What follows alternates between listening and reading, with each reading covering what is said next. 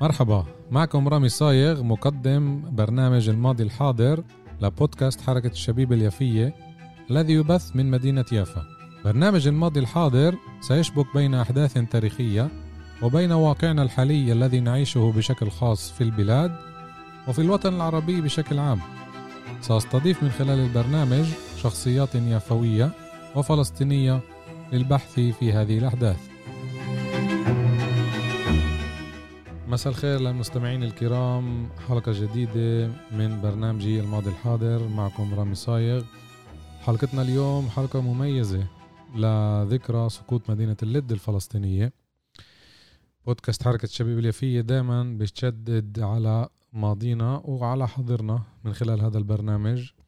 واليوم رح أستضيف كمان مرة الأخ عمر الغباري من جمعية ذاكرات اللي مسؤول طبعا على الجولات الميدانية بفلسطين. كافة. واللي آه، راح يشرح لنا كمان اليوم عن وضع مدينة الليد ما قبل النكبة أثناء النكبة وما بعد النكبة. شكرا لك عمر لحضورك كمان مرة اليوم. تحياتي لكم وشكرا لكم. يعطيك ألف عافية. إحنا ذكرنا قبل ثلاث أربعة أيام طبعا المطلع على تاريخنا آه، سقوط مدينة اللد آه، مميز بهذا الحدث الحدث المؤلم طبعا إنه سقوط مدينة اللد اجى متأخر بعد سقوط المدن الفلسطينية الرئيسية حيفا عكا يافا. وصار في إشي مخطط طبعا من قبل القوات الصهيونية اللي بالآخر تركت اللد يعني لما كيف بقولوها لما استوى الإشي وحضروه وإجا على الجاهز على البارد المستريح زي ما بقولوها كيف نقدر ندخل المستمعين على إيه، مدينة اللد من ناحية تاريخية قبل سقوطها ب نقدر نقول بسنوات. تعال نشوف الخلفية التاريخية لهي المدينة. إيه، اولا مدينة اللد يعني يعود تاريخها ليس فقط إلى ما قبل النكبه بسنوات وإنما إلى آلاف السنوات. إيه، يبدو أن مدينة اللد هي أقدم مدينة في فلسطين. يعني تقريبا يعود تاريخ تأسيسها إلى ثمانية ألاف عام. أسسها الكنعانيون وحكمها المصريون ومر عليها الحكم الروماني والبيزنطي. مدة الحكم العربي مئات السنين إلى أن تم احتلالها من قبل الاستعمار البريطاني والحركة الصهيونية في عام 1948 مدينة اللد موقعها مركزي جدا في فلسطين وتقريبا كل الفترات آه، كانت عاصمة القضاء أو عاصمة المحافظة. يعني حتى من الفترة المصرية القديمة آه، مذكور مدينة اللد كإحدى المدن المركزية في في منطقة آه، كنعان في أرض كنعان. واتخذها المصريون عاصمة لهذا القضاء كذلك الرومان. وكذلك بالفترة العربية الأولى. يعني عندما وصل هنا الجيش العربي الإسلامي في القرن السابع الميلادي 636 وعمليا استلموا مدينة اللد صلحا من البيزنطيين لم تكن معركة في ذلك الوقت في في اللد وجعلوها عاصمة جند فلسطين حوالي 80 عام من 636 حتى 715 ميلادي. إلى حين بناء مدينة الرملي المدينة الجارة لمدينة اللد وجعل مدينة الرملي هي عاصمة فلسطين إيه، من الأموية. هذيك الفترة الأموية الفترة الأموية. بالضبط. نعم.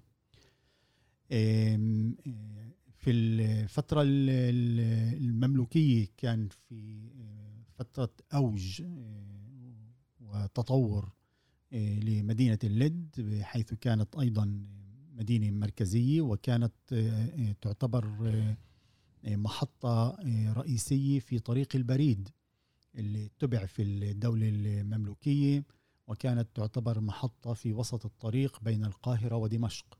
ولذلك كثرت فيها الاستراحات وأبار الماء اللي تسمى سبيل كان فيها خان وكان فيها محطة بريد مركزية منذ ذلك العهد.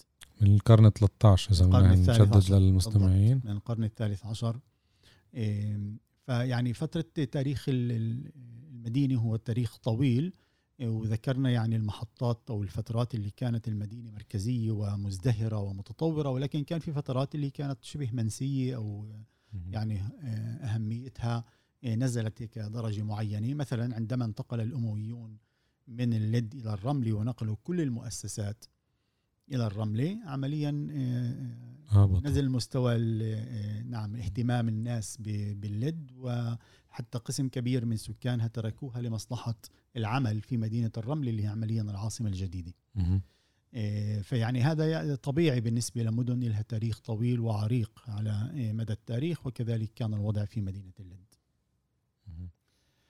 إذا بدنا نقترب بالتاريخ للفتره تعنوا القرن العشرين. نعم. في نهاية, في نهاية القرن التاسع عشر إيه، أيضا مدينة اللد يعني إيه، كانت مدينة من المدن الهامة في فلسطين وفي الفترة العثمانية كذلك إيه، يعني حظيت كما حظيت بعض المدن الأخرى في فلسطين.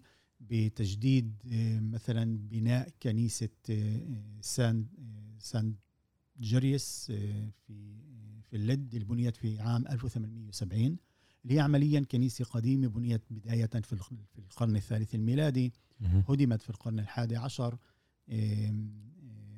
ظلت بناها الصليبيون في القرن الثاني عشر. هدمت مرة أخرى في القرن الثالث عشر من قبل المماليك وبنيت مرة أخرى في الفترة العثمانية في 1870 ففي هذه الفترة نهاية القرن التاسع عشر مدينة اللد كانت مدينة آه، هامة و آه، آه، مأهولة بالسكان وتعتبر أيضا من المدن المركزية في في هذه المنطقة. ولما احتلها الإنجليز البريطانيون في 11 7 1900 و17 على برضه 11 7 على فكرة بالضبط نفس تاريخ سقوطها بالنكبة 1948 هو نفس تاريخ سقوطها بأيدي الجيش البريطاني. استلموها ك يعني مدينة لا بأس بها ولكن زادت تطورا أيضا في في تلك الفترة.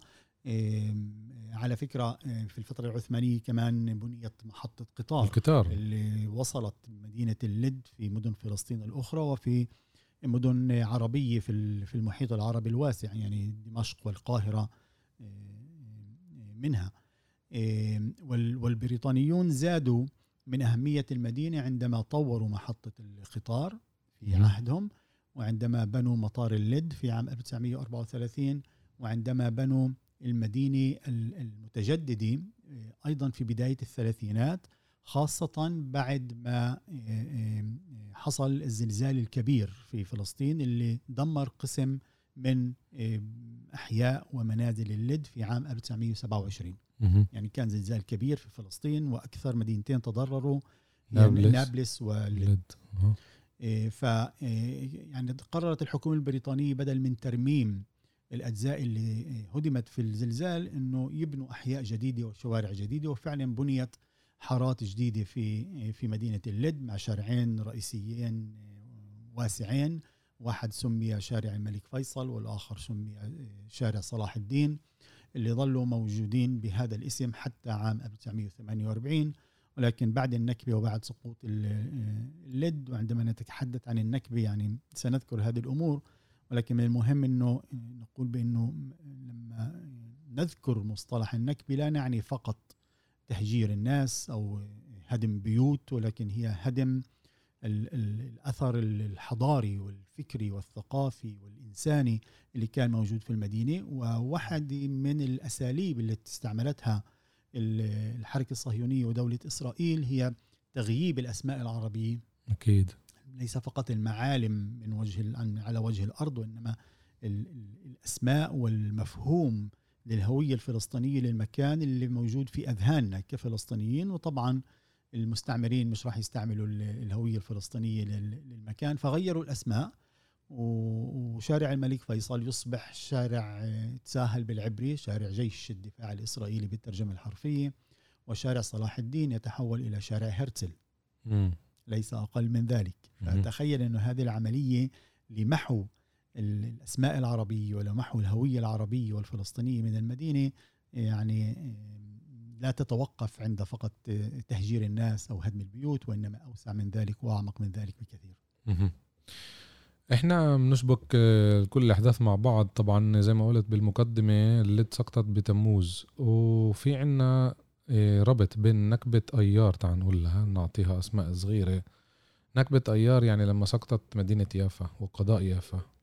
كل هدول آه، اللي تهجروا مش طريق البحر إجوا بشكل طبيعي طريق الشرق. سمعنا كتير قصص وقرأنا كتير آه، مصادر اللي بتقول إنه هدول الكرويين أو أهالي البلدات قضاء يافا لجأوا وطبعا كرة اللد مش بس كرة يافا كلهم لجأوا بخلال شهرين لمدينة اللد. يعني آه، الواحد لما بتخيلك إشي لازم زي فيلم هوليوود واحد يعمل صحيح. فيلم رعب. إيه نعم. إيه لا هي حظ اللد مش كل اللاجئين يعني قسم كبير من اللاجئين يعني تحدث من بين 20 إلى 30 ألف لاجئ دخلوا ونزحوا إلى مدينة فيها 20 ألف مواطن. يعني عدد ضاعفوا. السكان ضاعفوا عدد السكان الأصليين الموجودين في مدينة اللد وعاشوا بين آه، آه، بيوتهم وبين بياراتهم وبين أشجار زيتونهم وفي شوارعهم وفي خيام وفي غرف مستأجرة وفي في في كل ما آه، أتيح لهم على مدى يعني حوالي ثلاثة شهور.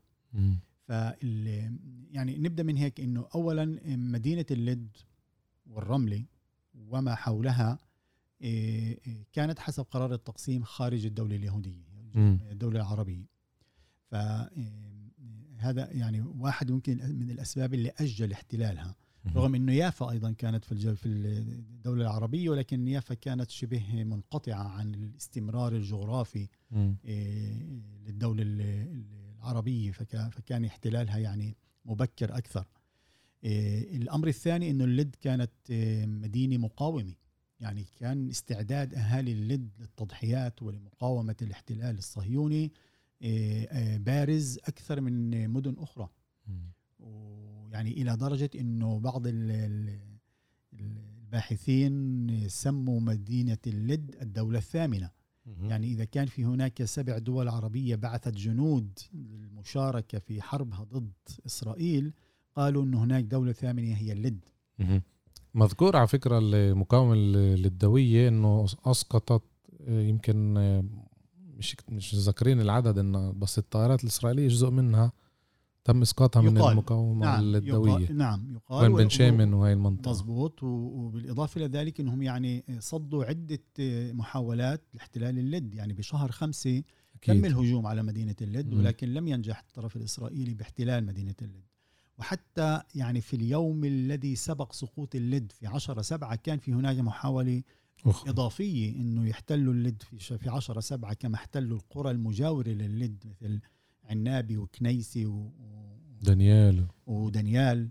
إيه، حاولوا أيضا إنه يأخذوا اللد في نفس اليوم ولكن المقاومة اللي كانت موجودة في اللد من أهل البلد خصوصا. يعني لم يكن هناك جيش عربي قوي اللي يحمي اللد في شهر سبعة 1948 إيه، إيه، ولذلك استعد الإسرائيليون من من جديد وهاجموا المدينة في 11 سبعة. وتم احتلالها والسيطرة عليها بين 11 و 12 تموز 1948 إيه، فبالفترة اللي سقطت فيها مدينة يافا والقرى المحيطة بيافا هذه اللاجئين نزحوا إلى مدينة اللد بشكل طبيعي. طبعا اللاجئين بدهم يبحثوا عن مكان اللي يقووا مكان اللي يحتموا فيه.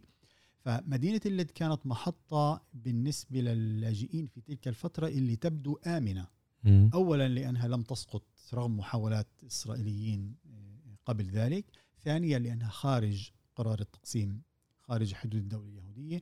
وثالثا لأنه بفترة شهر أيار كان ما زال هناك آه، آه، كتائب وجنود أردنيين وعراقيين اللي ساهموا وساعدوا في الدفاع عن المنطقة.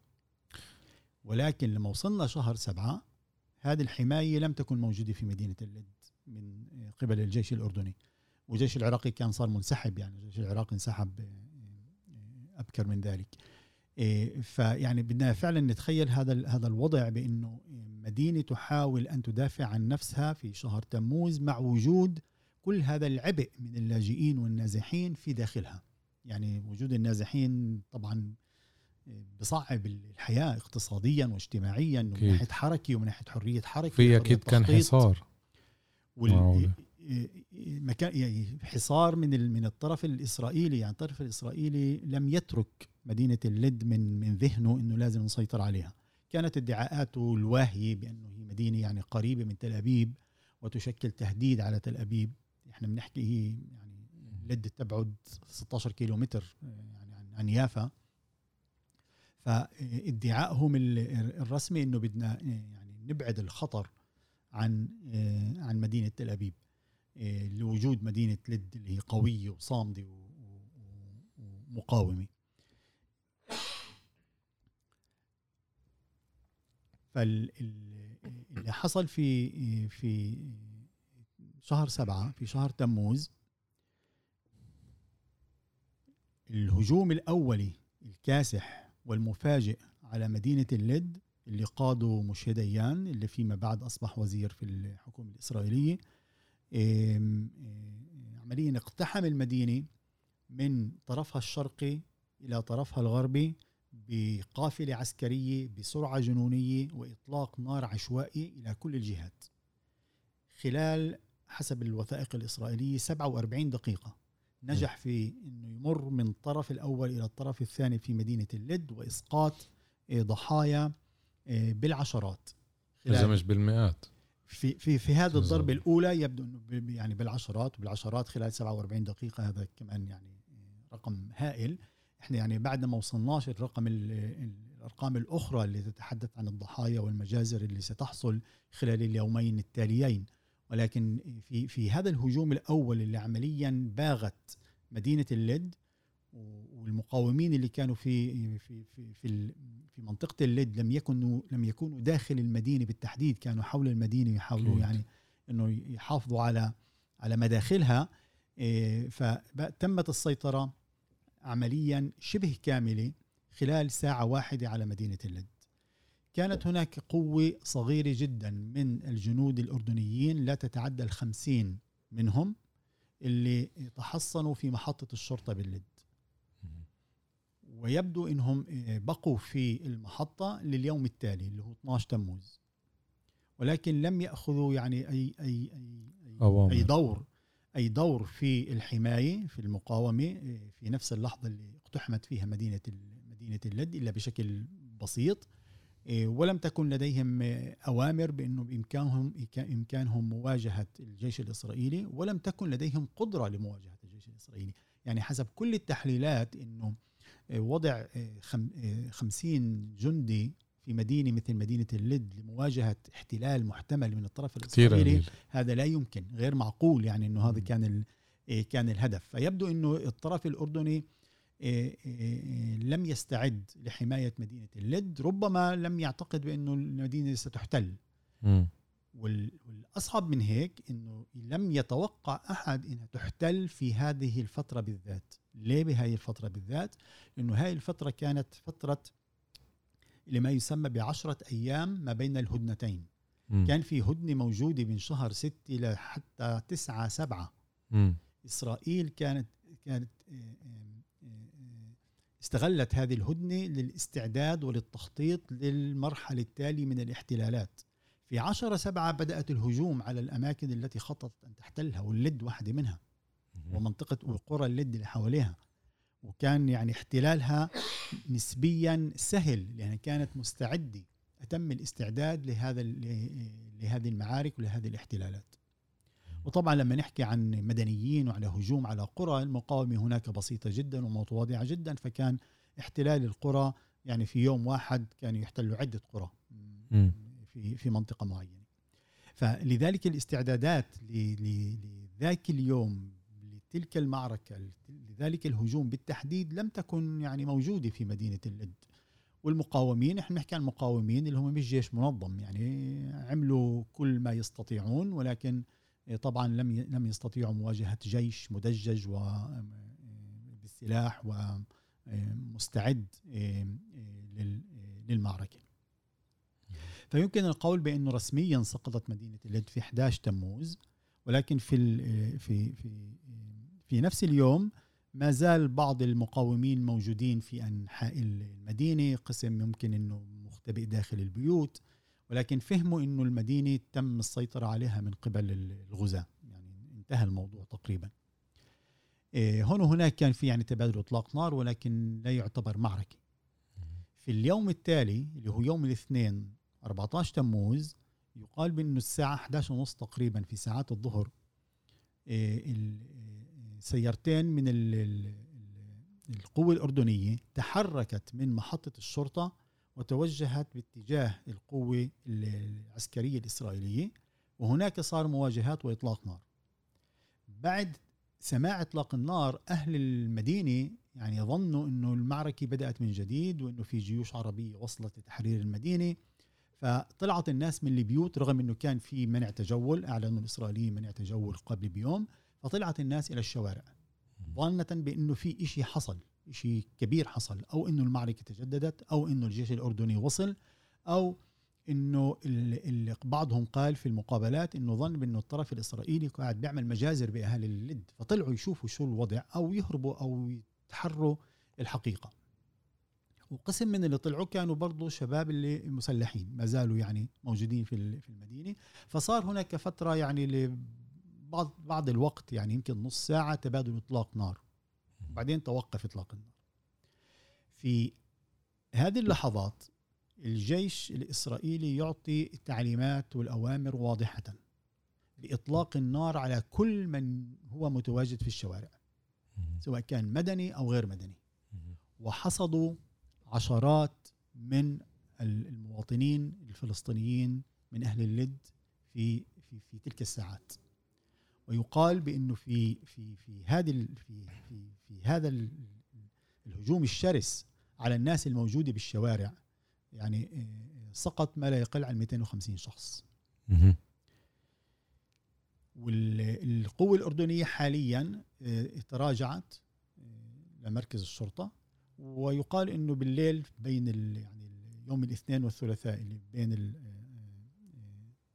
12 تموز و13 تموز تركت المنطقة وخلص وغادرت يعني لم تشارك بأمور أخرى بمعارك أخرى مواجهات أخرى. فظل أهل اللد عمليا فريسي بأيدي الجيش الإسرائيلي. فبالإضافة إلى العشرات اللي قتلوا في اليوم الأول والعشرات يبدو أنه أكثر من 200 شخص حوالي 250 قتلوا في الهجوم التالي في اليوم الثاني في 12 تموز. حصلت يعني مجازر بشعة جدا وصفت من قبل الناجين من أهالي اللد من جهة ووصفت أيضا من قبل بعض الجنود الإسرائيليين اللي شاركوا في احتلال اللد. وصفوا أمور اللي يعني للأسف الشديد إذا حصلت في مكان آخر في العالم لكان العالم ضج عليها وأقام محاكم دولية لمعاقبة الجناة. ولكن للأسف هنا في قضيتنا يعني رغم كل هذه البشاعة والجرائم إيه، لم نحظى حاليا كفلسطينيين على الأقل في هذا الجزء من العدالة بأن يحاكم الجناة بأن يحاكموا على جرائم الحرب والجرائم ضد الإنسانية اللي اقترفوها خلال النكبة وخاصة في مدينة اللد. مدينة اللد يمكن أن نقول بأنها عصارة النكبة يعني كل عناصر النكبة اللي سمعنا عنها في أماكن أخرى في مدن وقرى فلسطينية أخرى كلها مجتمعة حصلت باللد من مجازر من تطهير عرقي من قتل من مقابر جماعية من حرق جثث من اغتصاب من من نهب ممتلكات استيلاء على البيوت. كل هذه الأمور حصلت في مدينة واحدة بفترة قصيرة. بخلال يومين ثلاث أيام. فترة قصيرة. فعلا يعني هذا الإشي إيه، إيه، جنوني. رهيب إيه، إنه يحصل. وللأسف الشديد أنا بعتقد إنه إحنا كفلسطينيين وكعرب عامة لا نعطي مدينة اللد حقها والنكبة بشكل عام يعني لم تأخذ حقها من من الحضور في الذهنية العالمية ومن في المحاكم والأروقة الدولية وخاصة ما حصل في في مدينة اللد. تكملة للمجازر اللي عم تحصل بالشوارع في 12 تموز كان في مجموعة من الناس اللي أغلبهم كما يبدو هم من اللاجئين اللي ذكرناهم اللي نزحوا إلى مدينة اللد من قضاء يافا وقرى يافا احتموا في جامع آه، دهمش أحد المساجد الموجود في مدينة اللد. ظانين بأنه دخولهم للمسجد ربما يحميهم من آه، آه، عدوان الجنود الإسرائيليين ولكن في هذه الساعات ساعات بعد الظهر من 12 7 التعليمات للجنود الإسرائيليين واضحة بأنه يجب إفراغ وتهجير كل أهالي اللد كل من هو داخل اللد. فالمواطنين اللي المدنيين اللي احتموا بالمسجد في جامع دهمش آه، اعتصموا فيه. يعني دخلوا وقالوا إحنا بدنا نضل هون. ما بدنا نطلع للشوارع اللي فيها إطلاق نار وفيها آه، خطورة. والجيش الإسرائيلي أصر إنه لازم يطلعوا ويتم تهجيرهم. وحتى ينجزوا المهمة بشكل إجرامي وسريع أعطوا الأوامر للجنود إنه بما إنهم رفضوا يطلعوا اعملوا الواجب. يعني في في جندي إسرائيلي آه، أجرى مقابلة مع إيال فايتسمان باللغة العبرية وهو شارك في في اقتحام في احتلال مدينة اللد. وهو يدعي هو كان بوظيفته بالجيش إنه هو حامل سلاح معين اسمه سلاح بيات اللي هو عمليا آه، شبه صاروخ يطلق قذائف من نوع بيات قذيفة آه، قوية اللي لما تنفجر عمليا تقتل كل ما حولها على إطار عشرات الأمتار. فهو يدعي بانه القائد تبعه ويقول حتى بأنه يمكن يقال ألون نفسه اللي هو قائد حمليه قائد العملية العسكرية. اللي اسمها عملية داني في شهر تموز أعطاه الأمر مباشرة وقال له افعل ما يجب عمله. فهو فهم إنه يجب إطلاق القذيفة داخل المسجد. فأطلق القذيفة داخل المسجد ويقول أنا قتلت كل من كان داخل المسجد. فتحت الباب وشفت الجثث آه، متناثرة في كل مكان. وبعد هذا القذيفة يبدو أن كان في هناك إطلاق نار وإطلاق قنابل إلى داخل المسجد وقضي تقريبا على كل من كان داخل المسجد. وهناك رواية بأن هناك شخصين نجوا يعني ظلوا أحياء وبعدين تمكنوا من الخروج بعد فترة من المسجد ويبدو أنه حكوا قصتهم يعني لأشخاص آخرين. ولكن هذا الكم الهائل داخل المسجد ويقال إنه العدد قد يصل إلى 170 شخص. هناك من يقول أكثر أكثر من 200 ولكن يعني أغلب المصادر تتحدث على ما بين 150 إلى 170 شخص. تم القضاء عليهم في مكان عبادي في داخل المسجد وهم مدنيون. هذه المجزرة يعني تنضم وتضاف إلى المجازر الأخرى في الشوارع اللي جزء منها يستمر إلى الحاجة بدفن جثث الشهداء سواء الموجودة بالشوارع أو الموجودة داخل المسجد. فجندي آه، إسرائيلي آخر يشهد بأنه طلب من شباب فلسطينيين في اللد حفر قبور جماعية بمحاذاة الشوارع ودفن الجثث الموجودة في المنطقة وبعد ذلك تم القضاء عليهم وتصفيتهم. قتلوا من قام بحفر القبور للشهداء الآخرين. يعني نازيين كل معنى الكلمة. جرائم بكل معنى الكلمة. يعني لا يمكن أن يوصف ما حصل في اللد في هذه الأيام بأقل من أنه يكون جرائم على يعني بالمعايير التاريخية. م. جريمة ضد الإنسانية وجرائم حرب. يجب الا نمر عليها مر الكرام ويجب الا تغتفر ويجب أن يحاسب يعني من قام بها يمكن أغلبهم مش موجودين ولكن ما يمثلون. من قام بها هو دولة إسرائيل الدولة اللي كانت صارت موجودة الدولة أقيمت في 15 في 14 5 واحتلال اللد في منتصف تموز. فيعني هذا جزء وهذا جانب واحد من الجوانب الرهيبة اللي حصلت باللد بالإضافة إلى ذلك الأمر الواضح بتهجير كل السكان بما معناه تطهير عرقي لمدينة اللد بشكل كامل. على فكرة كمان مدينة الرملي يعني نفس الأمر العسكري اللي أمر بتهجير الناس هو ساري المفعول على مدينة اللد ومدينة الرملي. وهناك من يعني من ادعى بأنه طيب مدينة اللد قاومت ولما صار مقاومه صار في معركة ولما صار في معركة في ضحايا. ردود فعل آه. نعم. اولا هذا كذب كذب.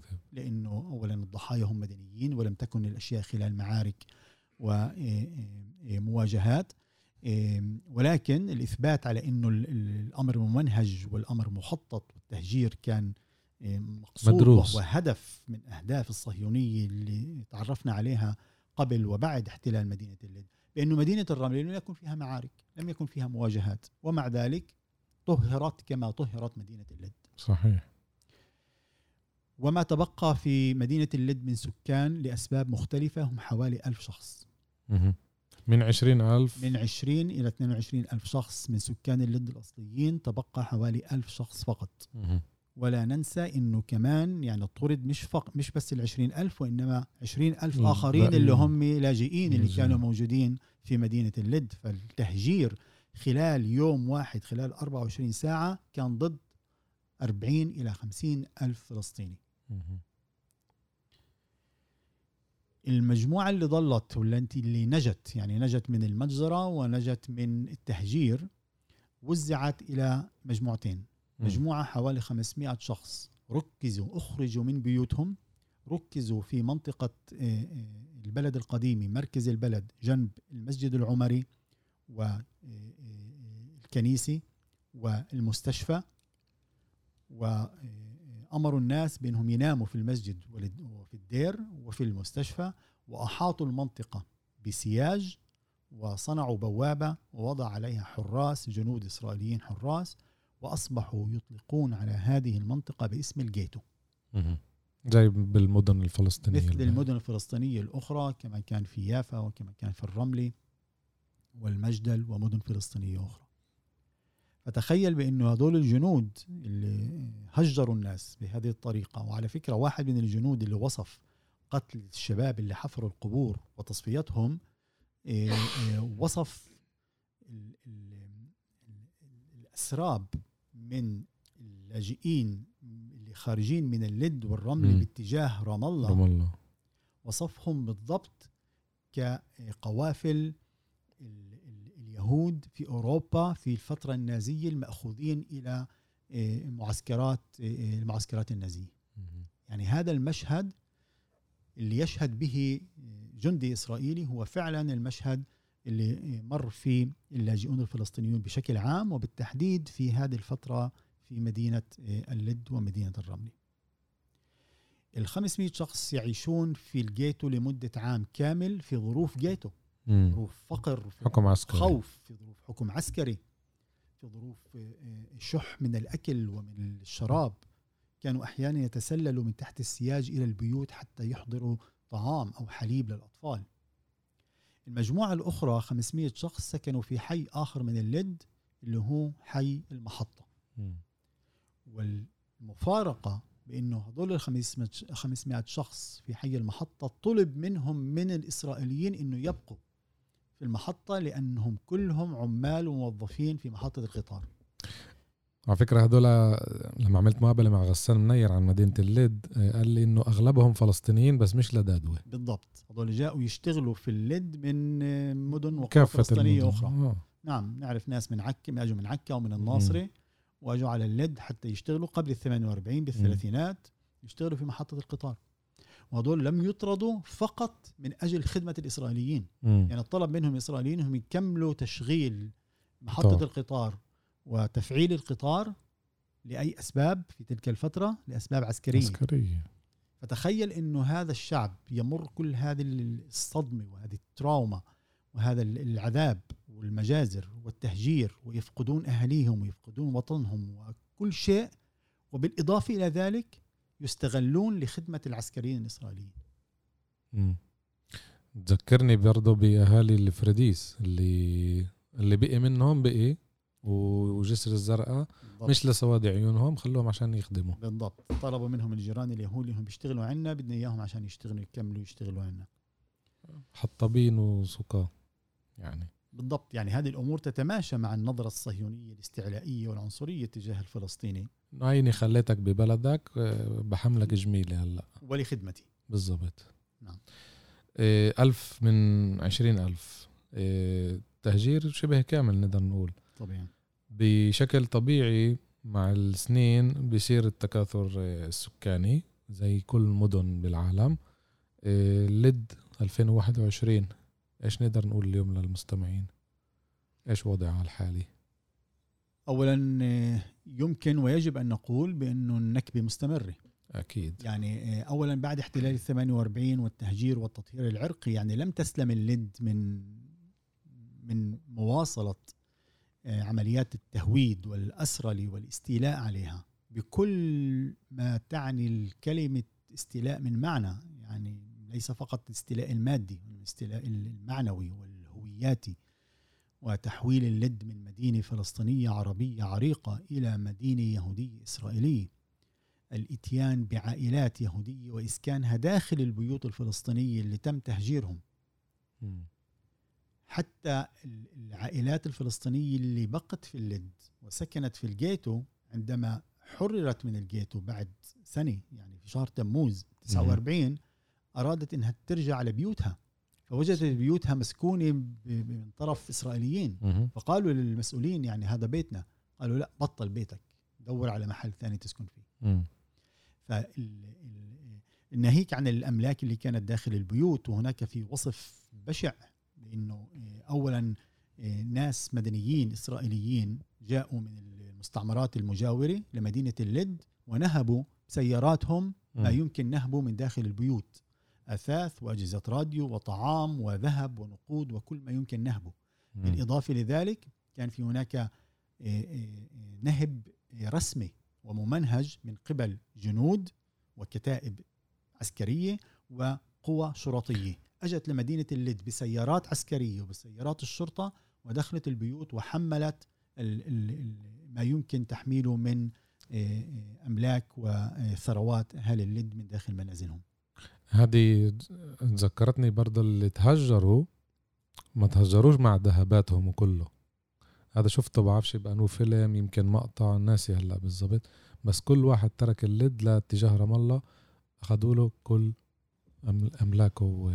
صحيح. يعني بالإضافة ل يعني مرارة التهجير إنه بالطريق كان يجروا تفتيش مم. على. النازحين أغلبهم. و- و- و- وياخذوا منهم الذهب والمجوهرات حتى لو كانوا لابسين يعني نساء كانت لابسة ذهب آه، أخذوا منها الذهب أخذوا منهم مجوهرات واللي كان معه نقود أخذوا منه النقود. هذا بالإضافة ما نهبوه من داخل البيوت.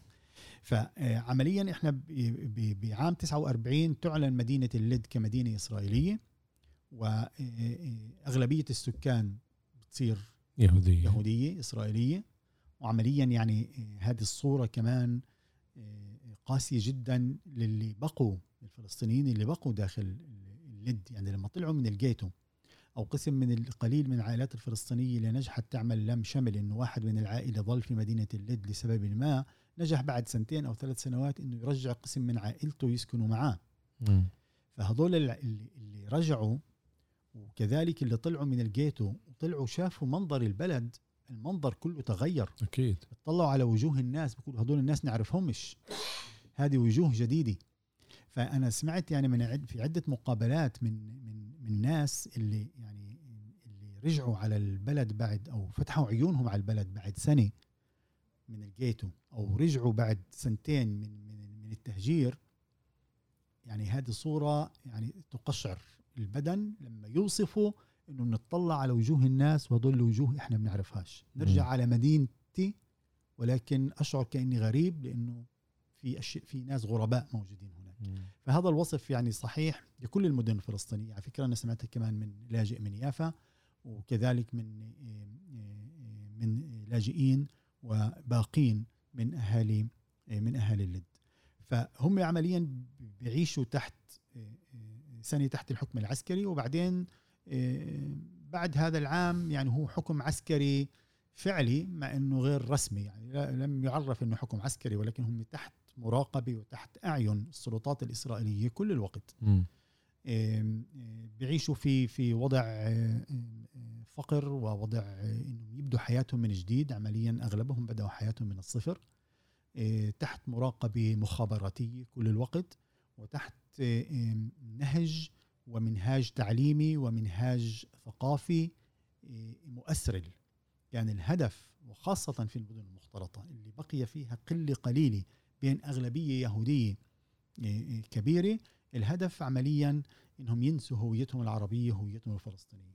فعلا في الفترات في السنوات الأولى في العقدين الثلاث عقود الأولى المجموعات الفلسطينية داخل المدن الفلسطينية اللي أصبحت تسمى كمان يعني مختلط. زيفا وبهتانا مدن مختلطة عانوا من سياسة اسرله رهيبه فعلا قسم من الشبيبه ومن الطلاب اللي يعني فقدوا تقريبا لغتهم العربية.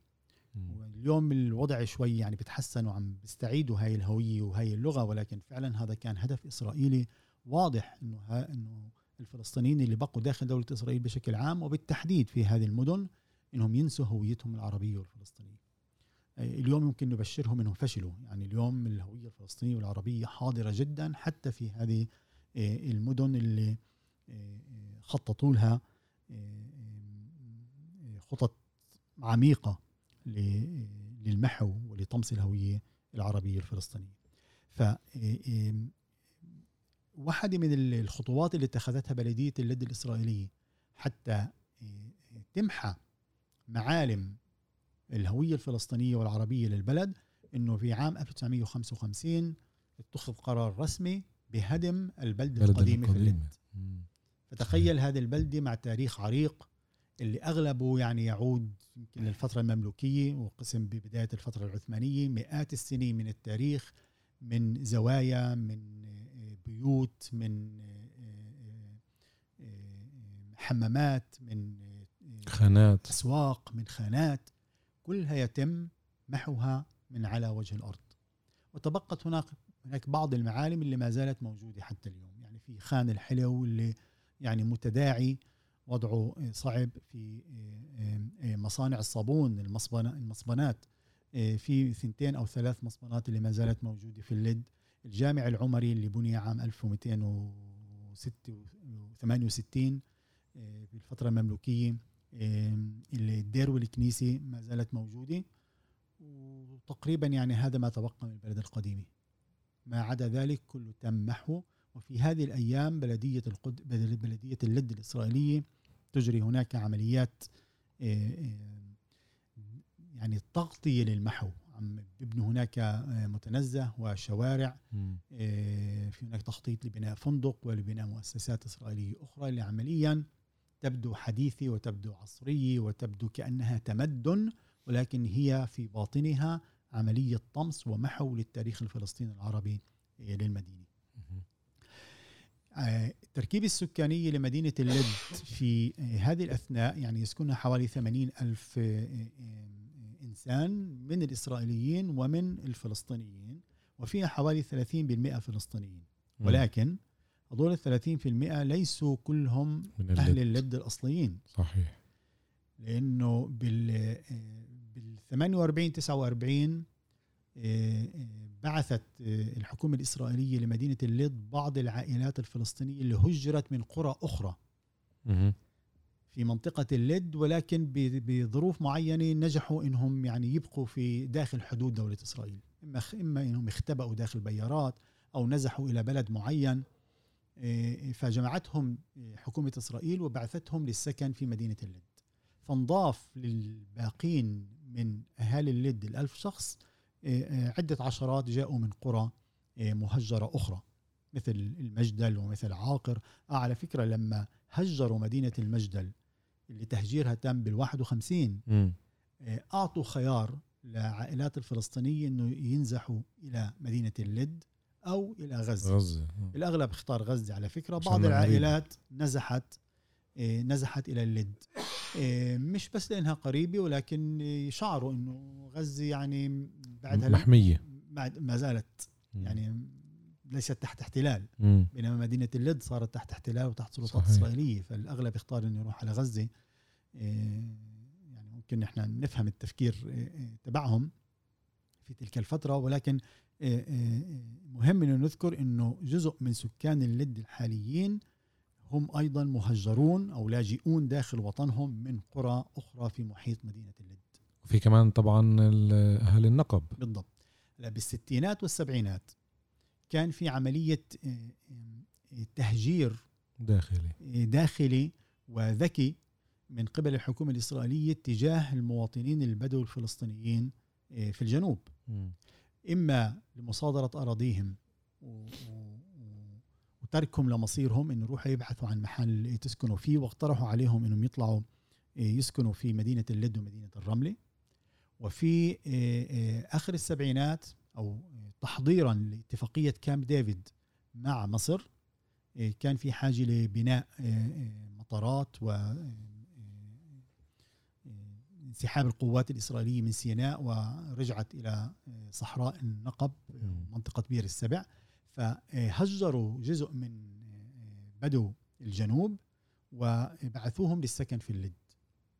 فممكن نقول إنه خلال الستينات والسبعينات وحتى الثمانينات لأسباب سياسية واقتصادية تم تهجير المئات من أهالي الجنوب البدو الفلسطينيين في الجنوب باتجاه مدينة اللد. وهيك يعني تركيبة السكان تشكلت آه، آه، خلال هذيك السنوات وأضف إلى ذلك بأنه بعد الانتفاضة خاصة الانتفاضه الأولى ولكن أيضا فيما بعد إنه للأسف الشديد قسم من عائلات العملاء اللي مم. كانوا يتعاملوا ويتعاونوا مع إسرائيل في الضفة خلال آه، فترة الاحتلال الاحتلال العسكري تم إيوائهم في, في اللد في مدينة اللد زي بيافا كمان. وكمان في يافا وكمان في أماكن أخرى. مم. لكن يعني في اللد في لها يعني نوع من البروز أكثر من مناطق أخرى. فيوم يعني تشكيلة التركيبة الفلسطينية داخل اللد مشكلة من هذه الفئات وهذه المجموعات اللي عمليا ما عاشت بشكل متواصل آه، تاريخ طويل وإنما آه، انضمت لظروف آه، قصرية بعد النكبة.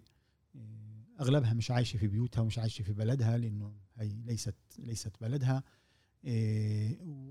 وكلهم مع بعض عانوا من سياسة إسرائيل العنصرية وسياسة بلدية اللد العنصرية وكلهم مع بعض عايشين آثار صدمة النكبة وآثار الآثار النفسية للنكبة والآثار الاقتصادية للنكبة والاجتماعية. بدون أي معالجة وبدون أي اهتمام وبدون ما حدا يعطي شرعية لهذا الألم ولهذه الصدمة كما حصل في باقي الأماكن الفلسطينية. ولكن هنا باللد كمان مرة يعني ممكن اللي يتعرف على مدينة اللد بيشوف كيف الأمور مركزة في منطقة واحدة وصغيرة نسبيا وبشكل مكثف ولا يسمح الحديث عنها. وخلال سنوات تتراكم هذه الآلام وهذه المشاعر من آثار النكبه والنكبه المستمره ومن آثار العنصريه والسياسة التي تتبعها دولة إسرائيل تجاه هذول الناس وهذه المجموعة.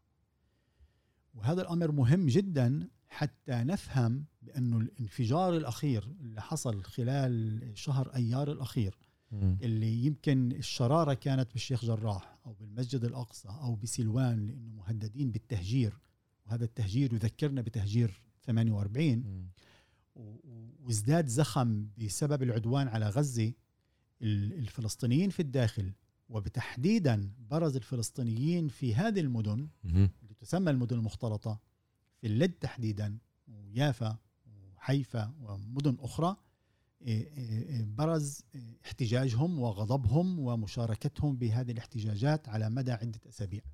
ولذلك يعاني اليوم أهالي اللد الفلسطينيين في اللد من مواصلة الملاحقة المخابراتية والشرطيه والبلدية الإسرائيلية لمعاقبة اهالي اللد على مشاركتهم في هذه الاحتجاجات وهذه المظاهرات. أكيد. وسقط في اللد شهيد تم قتله بسلاح مستوطن واحد من المستوطنين الموجودين في في مدينة اللد، هؤلاء المستوطنين اللي جاءوا إلى مدينة اللد في التسعينات بهدف تهويدها يعني بالتسعينات كان في هناك قرار شبه رسمي ولكن قرار لحركة صهيونية إيه، ايديولوجيه إيه، هدفها تهويد المدن اللي تسمى مختلطة إيه، على فكرة ردا على الانسحاب من غزة. فجاءوا إلى مدينة اللد كذلك إلى مدينة يافا ومدينة الرملة ومدينة عكا وأنشأوا بؤر آه، استيطانية. يسموها النواة نواة توراتيه اللي هدفها بث الايديولوجيه والفكر تبعهم إسكان عائلات يهودية صهيونية بأكبر عدد ممكن الاستيلاء على أملاك وعلى أراضي وبناء مؤسسات وإلى آخره. وهذه البؤرة الاستيطانية موجودة بشكل واضح وقوي في مدينة اللد.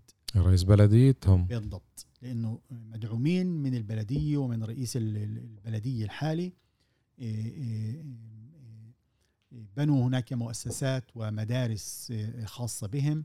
في مؤسسة اللي هي عمليا تحضير, تحضير للجيش شبه عسكرية. وغير يعني غير سكنهم ودراستهم كمان حضورهم في شوارع اللد هو حضور استفزازي ومتعمد إنه يستفز الفلسطينيين الموجودين ما زالوا موجودين هناك. لذلك الصدامات كانت قوية في مدينة اللد خلال الهبه الأخيرة بشهر خمسة وما زالت آثارها موجودة حتى اليوم في مدينة اللد. ويعني أحيانا ذكرى نكبة اللد قبل يومين إحنا اليوم في 14 7 عمليا ما زلنا في الأيام اللي يتم يعني الاستيلاء على مدينة اللد قبل 73 عام. 14 7 15 7 بشكل نهائي. ممكن القول بأنه تم إحكام السيطرة وتنفيذ كل المخططات تجاه مدينة اللد. ولكن لما نكون في اللد في هذه الأيام يعني حتى الشباب الجيل الرابع بعد النكبة يربط بين ما يحدث الآن في مدينة اللد وبين بداية النكبة عام 1948 صحيح. كل هذا واضح اليوم بشبكات التواصل الاجتماعي. التهويد موجود طبعا زي ما قلت بكل المدن الفلسطينية. والأسرة اللي على فكرة بدناش نطول يعني إحنا بس هيك الذكر بسيط الأسرة اللي موجودة بشكل مستمر بكل المدن الفلسطينية. وبتشوفها من خلال الكذبة هذه اللي هي التعايش. يعني بدي شيء هلأ اقعد أحكي إشياء مش مسؤولة بس طبعا لما في عندك فرق كرة قدم هذا جزء من الأكذوبة هذه اللي بقول لك هي في تعايش بين عربي ويهودي. بقولوش بقولوش طبعا بالفلسطيني هم محوا كلمة فلسطيني وهذا إحنا لازم نشدد عليه نضلنا نقول إذا بدك تقول لي عربي قول عربي عبري أو إسرائيلي فلسطيني ما تخلطش بيناتهم. فهذا جزء من اللي بيصير باللد اليوم 2021 في فريق فوتبول نتمنى لهم دائما النجاح بس هو زي باقي الفرق الفوتبول وكل النشاطات هذه هي عبارة عن تغطية. هذا اللي بيصير وإحنا نشدد هذا الإشي للمستمعين إنه 2021 إحنا لساتنا عايشين النكبة بس بتفاصيل تختلف عن التفاصيل العسكرية الصعبة اللي أنت حكيتها قبل بضع دقائق. هذا هذا لازم نشدده. كمان ملاحظة هيك كتير دايما بنقول طب ليش ما بصيرش ملاحقات؟ ليش ما بصيرش في محاكم؟ يبدو إنه في صمت عالمي من سنة ال 48 لليوم. يعني إنه كيف ميلوسوفيتش عمل مذبحة وحاكموه هيك لازم كانوا يعملوا مع مش رؤساء دول هم بطلوا رؤساء دول هم كانوا وزراء. هل العدالة لسه نايمة لليوم يعني؟ إيه للأسف نعم العدالة نايمة. إسرائيل هي عمليا ولدت من رحم الفكر الغربي الفكر الاستعماري. إيه مدعومة من جهة الغرب. الغرب معني بوجودها هون. إيه فبسمح لها تعمل كل شيء تقريبا يعني بحدود معينة حتى يبين إنه يعني محافظ على على القانون الدولي. ولكن الجرائم اللي تمت هون عام 48 لم تفتح. هل في آه، قانون بيقول إنه خلص مرق الوقت زي؟ لا. هذه الجرائم يعني لا تسقط بالتقادم. يمكن فتحها ويمكن آه، آه، الادعاء أو محاكمه من قام بها أو على الأقل المؤسسات اللي تقف وراء هذه الأعمال. ولكن رغم كل ذلك أنا أعتقد بأن المسؤولية الأولى هي على أصحاب القضية اللي إحنا الفلسطينيين اللي إحنا يجب أن نحرك الموضوع. لن يتحرك الموضوع ولن يحركه أي صحيح. إنسان إذا إحنا أصحاب القضية لم نفعل بهذا الموضوع أي أمر. يعني واحدة من من, من الأمور المقلقة من موضوع النكبة. يعني ممكن نقول إن خلال العشر أو حتى العشرين سنة الأخيرة كان يعني هناك عملية توثيق لا بأس بها لموضوع النكبة وسماع شهادات من لاجئين ولاجئات ومهجرين سواء في الداخل داخل الوطن أو خارج الوطن.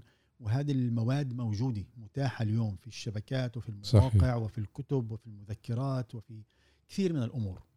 للأسف ليست هناك أي مؤسسة أو سلطة مركزية لتجمع كل هذه المعلومات اللي يعني عمليا تكون عنوان. م. كل من يريد أن يبحث عن الحقائق وأن يبحث عن التاريخ ولكل من يريد أن يب يعني يفحص من ناحية قانونية ماذا يمكن عمله.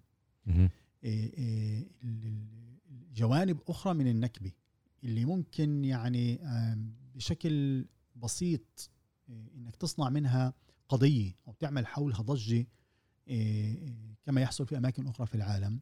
حتى عليها إحنا ما بنعمل. يعني مقابر. أين أين المقابر الفلسطينية اللي كانت في مئات القرى والمدن الفلسطينية التي هجرت؟ لماذا لا نقوم بأي عمل من أجل تحديد معالم هذه المقابر وكشف الحقائق ماذا فعلت إسرائيل بمئات المقابر؟ يعني هناك بالجليل أو ممكن بالمدن اللي ما زال فيها سكان فلسطينيين يعني بعض المقابر موجودة. ولكن أغلبها حتى لو موجودة قد انتزع منها قسم وبني عليها شوارع ومواقف سيارات وعمارات ومؤسسات وجامعات.